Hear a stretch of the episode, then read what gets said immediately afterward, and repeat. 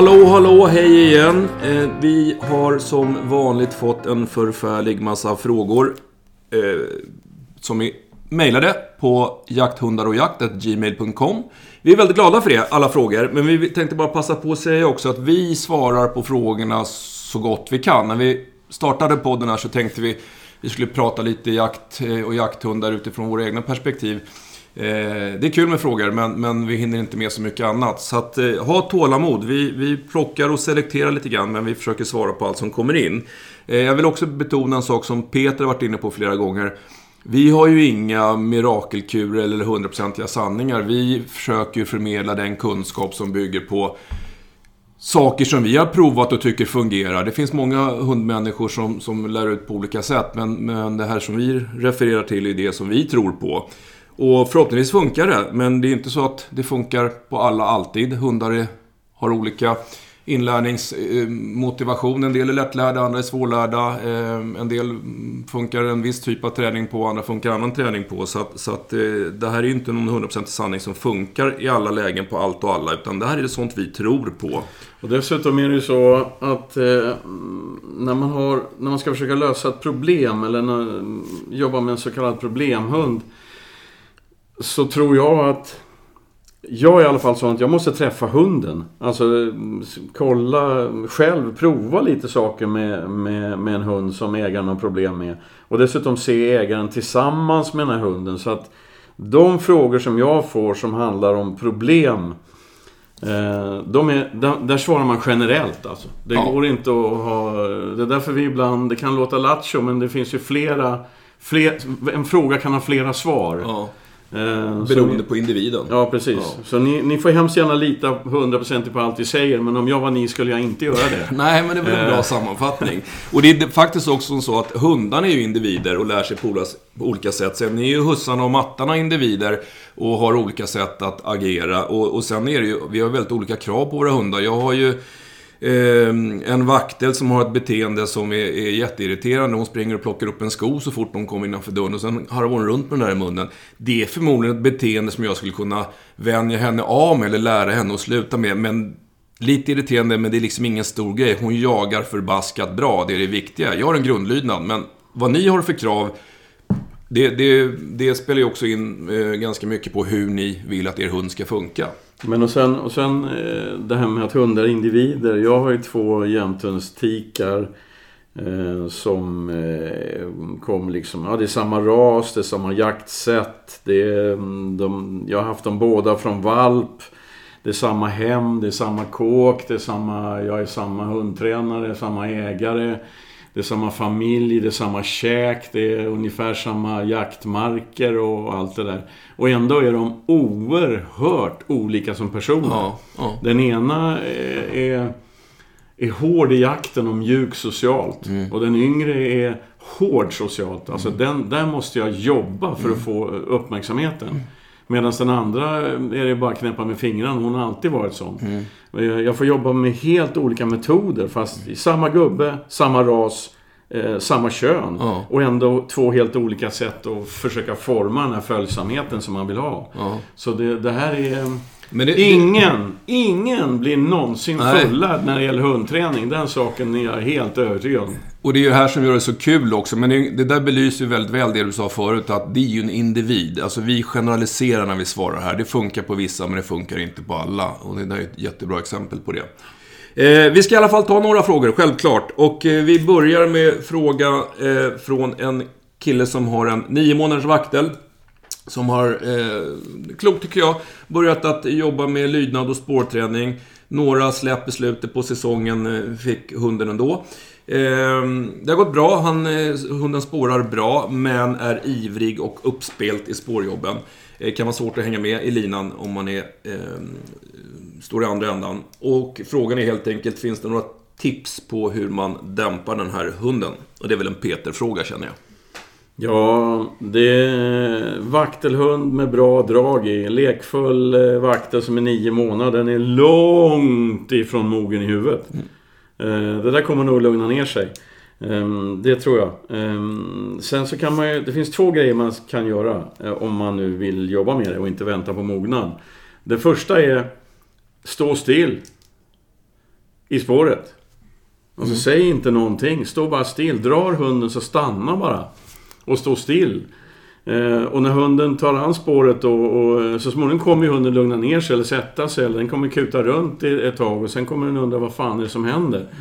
Man säger ingenting, gör ingenting. Så småningom kommer nosen ner i det här slaget igen då. Och då följer man med och drar hunden igen, då stannar man.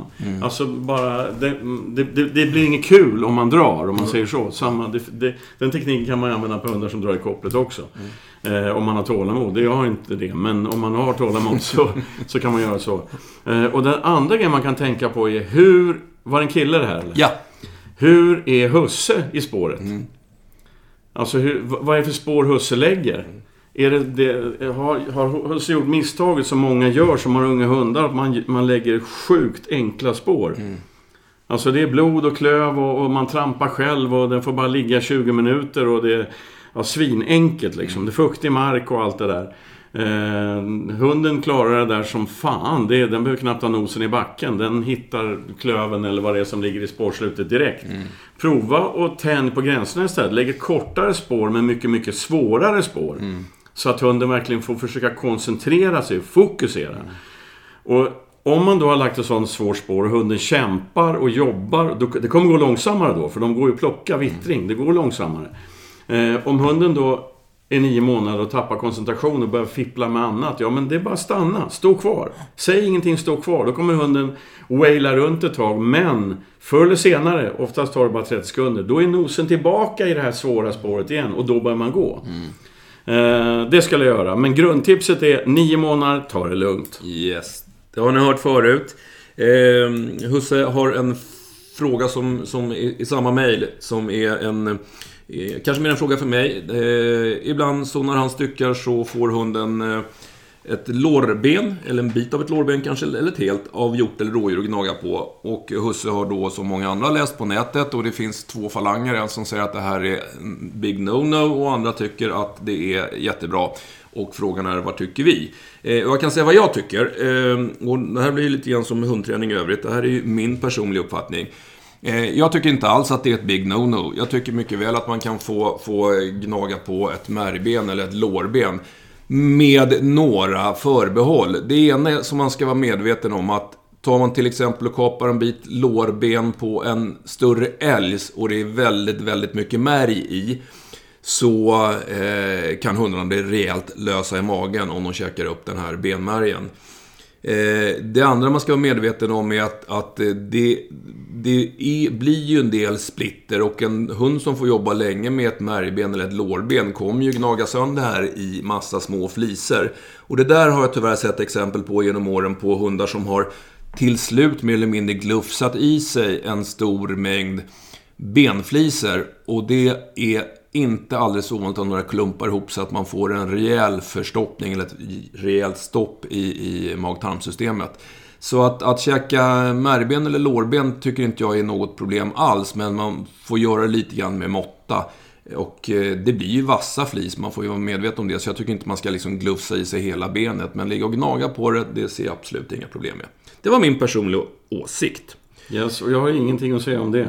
Bra, men då ska du få en... Nej, du har fått en fråga om en jämthund vet jag.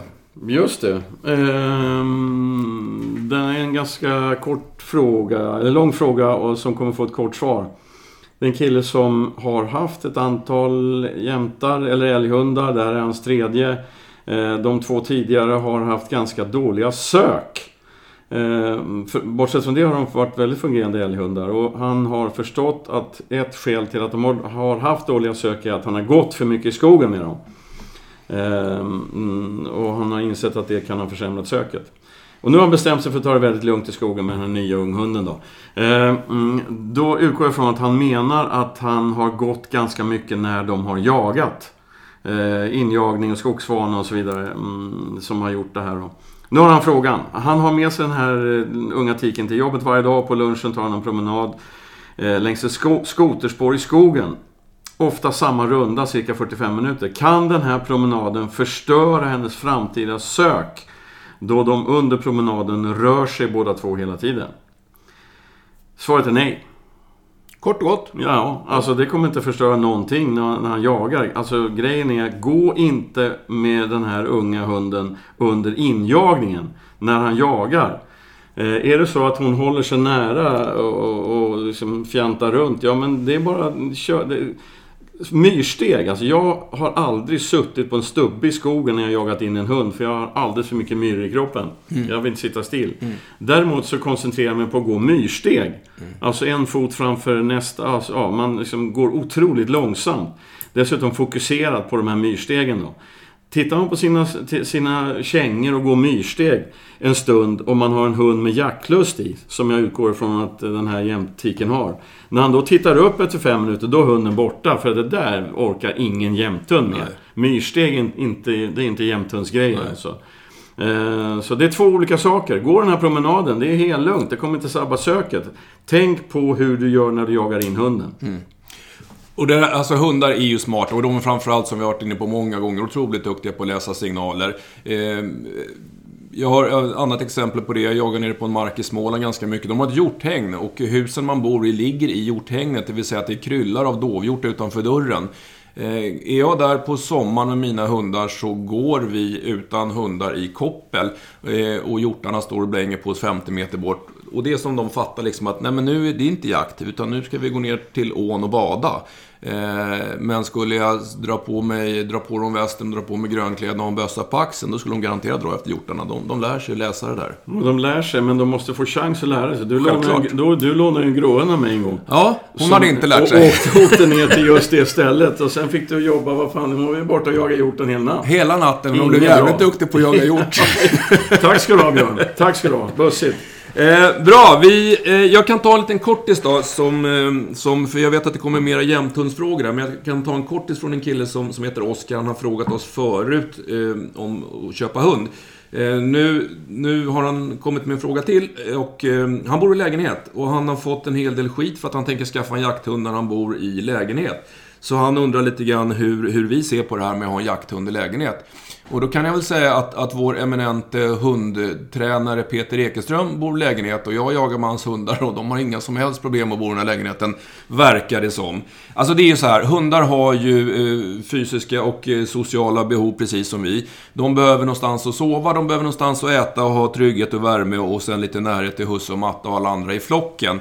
Det får de oavsett om de bor i lägenhet eller 300 kvadratmeter eller eh, Alltså, det, hundar bor i hundgård. De eh, funkar oftast alldeles utmärkt. Eh, tittar man på ursprunget och vargar som bor i lyor och rävar som bor i lyor. De behöver inte ha 150-200 kvadratmeter att röra sig på för att må bra. Det är andra saker de behöver. Och det får de lika mycket i en lägenhet som i en villa. Eller vad säger Peter? Ja visst. Nej men alltså när, när det blev... Jag kunde inte bo kvar på landet längre. Vi fick för många unga min fru och jag. Så att, eh, och bussarna drogs in och sådär. Så att det, det funkade inte. Det var bara, man, man var mer taxi, taxigubbe än, än äh, jägare ett tag. Äh, så tänkte jag att det kunde vara svårt att, att forma om de här jaktmaskinerna jag har och bo i lägenhet. Det var inga som helst problem. Men det kan ju vara så att de här som har liksom varit lite fundersamma om man ska skaffa jakthund i lägenhet. Om, om den här eh, presumtiva jakthundsägaren eh, är borta nio timmar om dagen, fem dagar i veckan. Eh, då kan det ju bli lite problem med grannsämjan om man nu väljer till exempel en finspets eller något sånt där som har tendens att skälla väldigt mycket. Um, så att det handlar ju om hur man, hur man lär hunden också. Det är det det handlar om. Och, jag kan faktiskt, hans sista rad här i mejlet, där står att jag lämnar såklart inte min hund in i lägenheten under en arbetsdag. Så att, ja, men då så. Svaret då är det, nej. Då, vårt råd är, skit i skitsnacket, köp en jakthund. Jajamensan. Eh, bra, ska vi ta nästa jämthundsfråga då? Eh, och det är en ganska lång fråga. Eh, jag, jag ska försöka sammanfatta den här. Eh, det är en kille som har fyra hundar. Det är två jämtar, en jacklab och en border terrier. De ligger mellan två och tre och ett halvt år.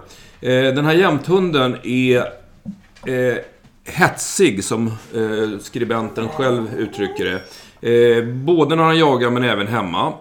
Och han har då haft... Ja, hans humör, temperament har då fått de tråkiga konsekvenserna att han har blivit sprättad ett antal gånger. Husse börjar jaga med en väst. Hunden fortsätter bli sprättad för västen täcker inte överallt. Eh, och eh, ja, råkar ut för en hel del annat i skogen också. Det som har hänt är att den här hunden nu har... Eh, den har ett beteende under jakten som, som Husse har problem med och det förstår jag.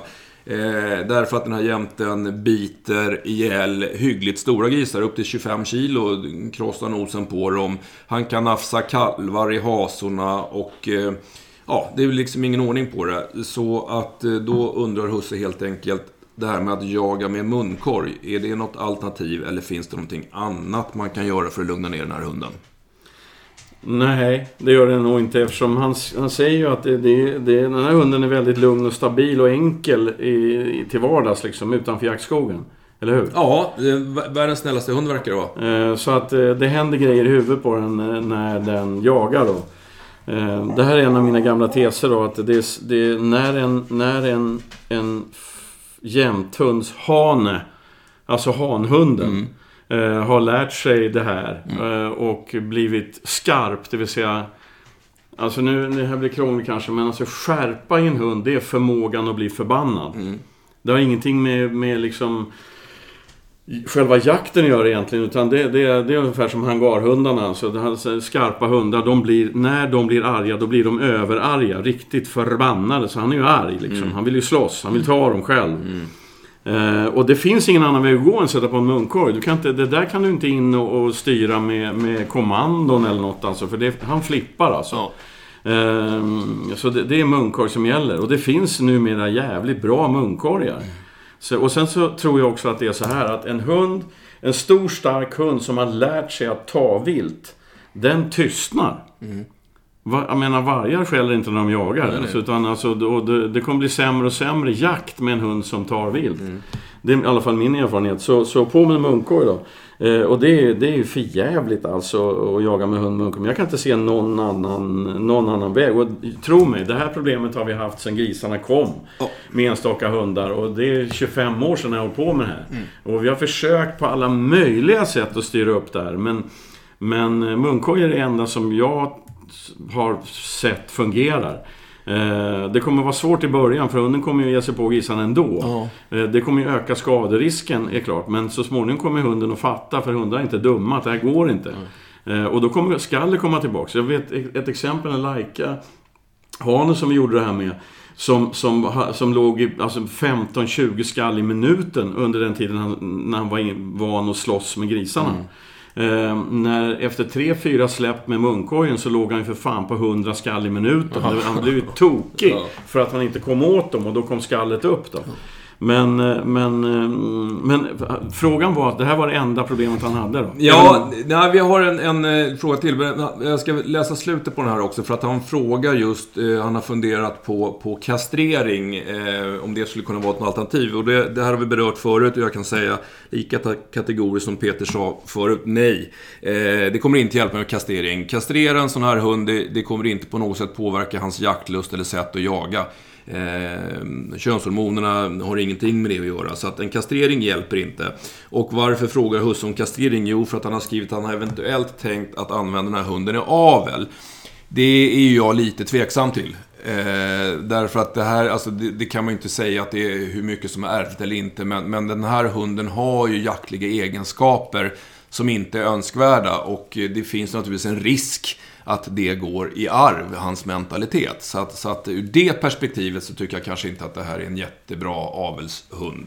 Men, men, och det kommer, men hur som helst så kommer kastration inte påverka hans beteende.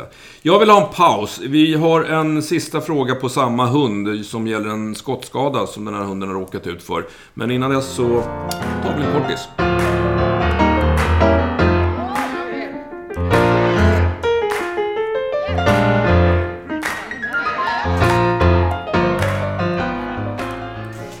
Gå och lägg dig nu. Vi har hundar som vill vara med i podden här, men de har inte så mycket att säga så de får gå och lägga sig. Vi ska fortsätta nu. Jag ska avsluta frågan eh, från Mattias som hade den något tuffa jämthunden. Han råkade nämligen ut för en liten incident, eller snarare hans hund, som vid, eh, som i ett, ett sammanhang eh, fick ett splitter från en kula i en tå. Eh, det framgår inte om det är vänster eh, framtass eller baktass, men det spelar inte så himla stor roll. Eh, det står andra tån från vänster. Ja, rent formellt då, så, så vi, vi numrerar tårna. Om man tar en framtass om man har en sporre, så är sporren nummer ett och den yttersta tån är nummer fem. Så tummetotten är ettan och så. Så att det här är då en tå som heter nummer fyra, oavsett om det är fram eller bak.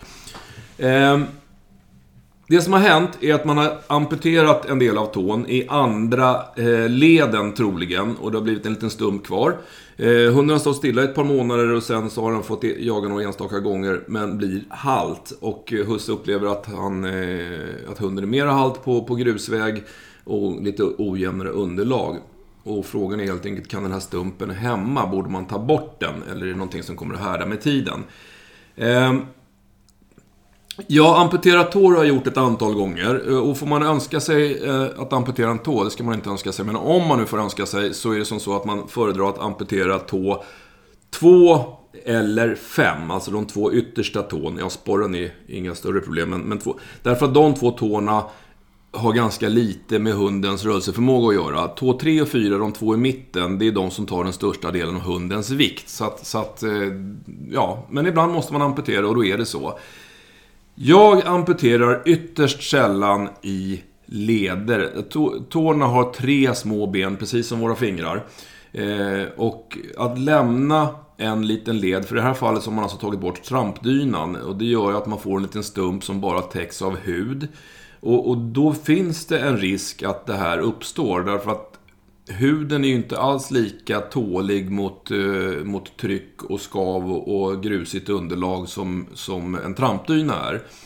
Så, så jag tror att det, den här tån kanske, man, man skulle tagit bort den sista stumpen också så att man inte har någon som helst kontakt. Eh, det finns ingen tå kvar som kan ha kontakt med underlaget ja, huden kommer ju också stärka upp sig och bli mera, mera hållbar vart efter, det här, vartefter tiden går. Men det finns nog en risk att, att eh, blir det tryck på den här tån, vilket det förmodligen blir när det är fjärde tån, och det är bara en benstump som täcks av hud, då, då kan det nog vara så att man får ta bort resterande del också.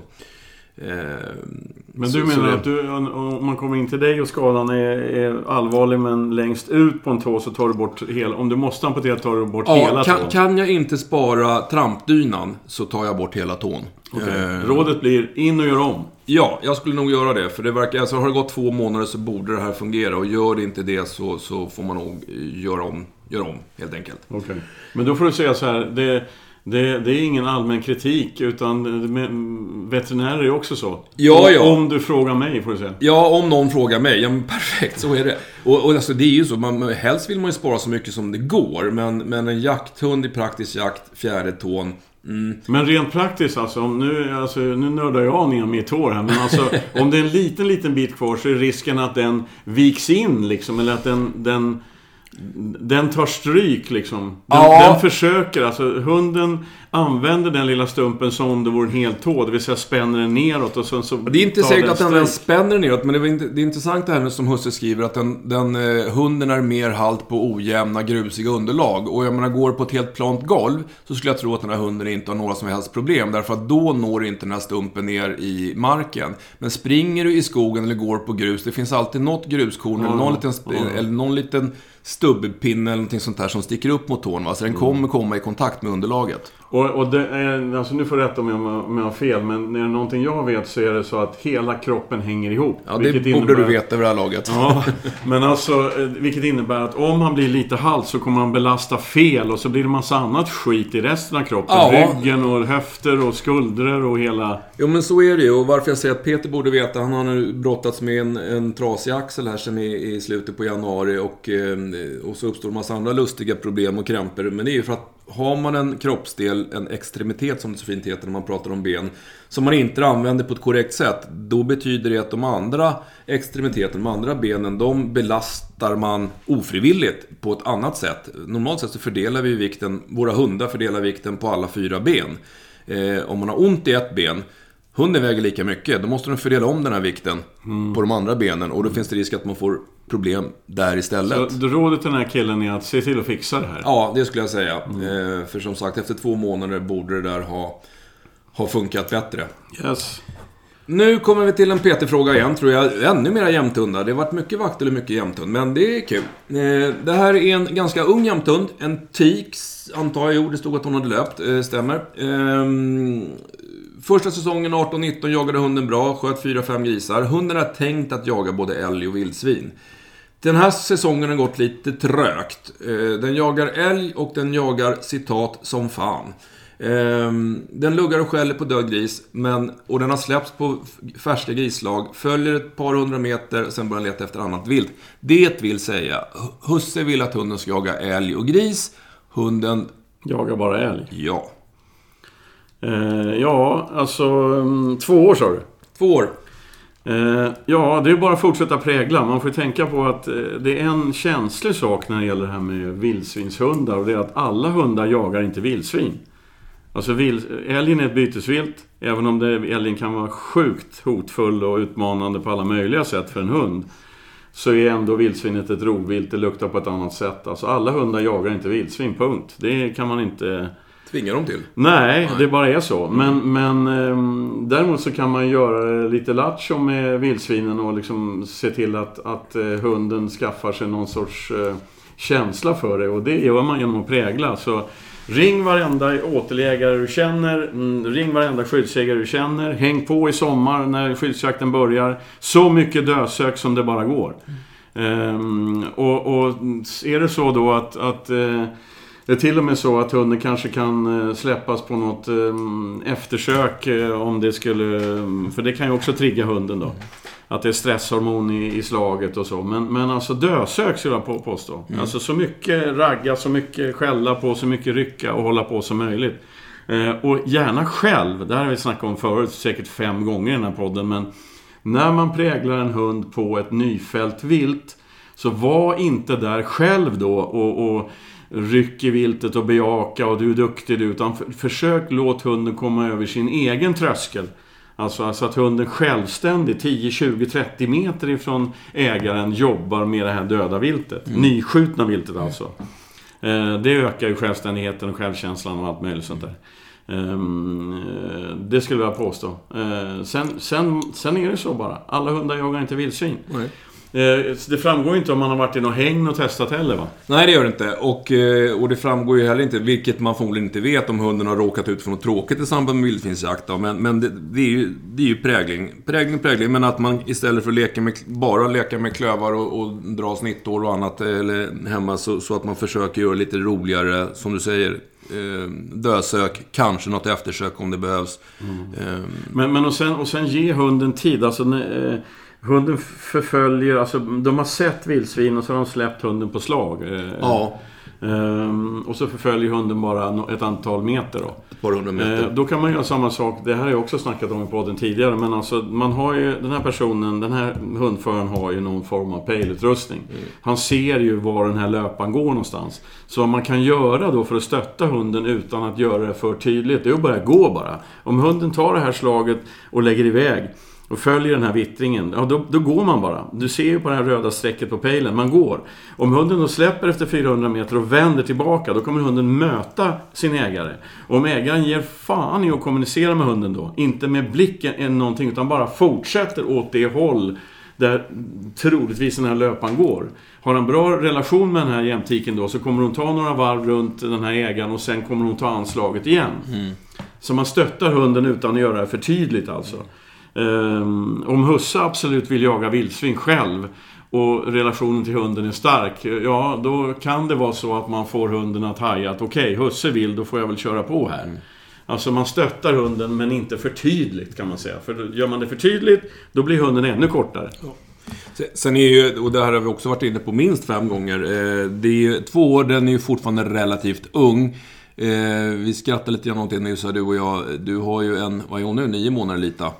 Hon är nio månader, Ja, nio och ett halvt eller vi, vi hade ju en, en fantastisk jakt med henne för bara tre veckor sedan. När hon höll på med en kviga i säkert ett par timmar. Ja, det var- Otroligt det var fint hundarbete. Fantastiskt, gjorde allting rätt liksom. Ställde om och ja, det var fantastiskt. Och jag blev jätteglad. Två dagar senare var jag ute i skogen igen.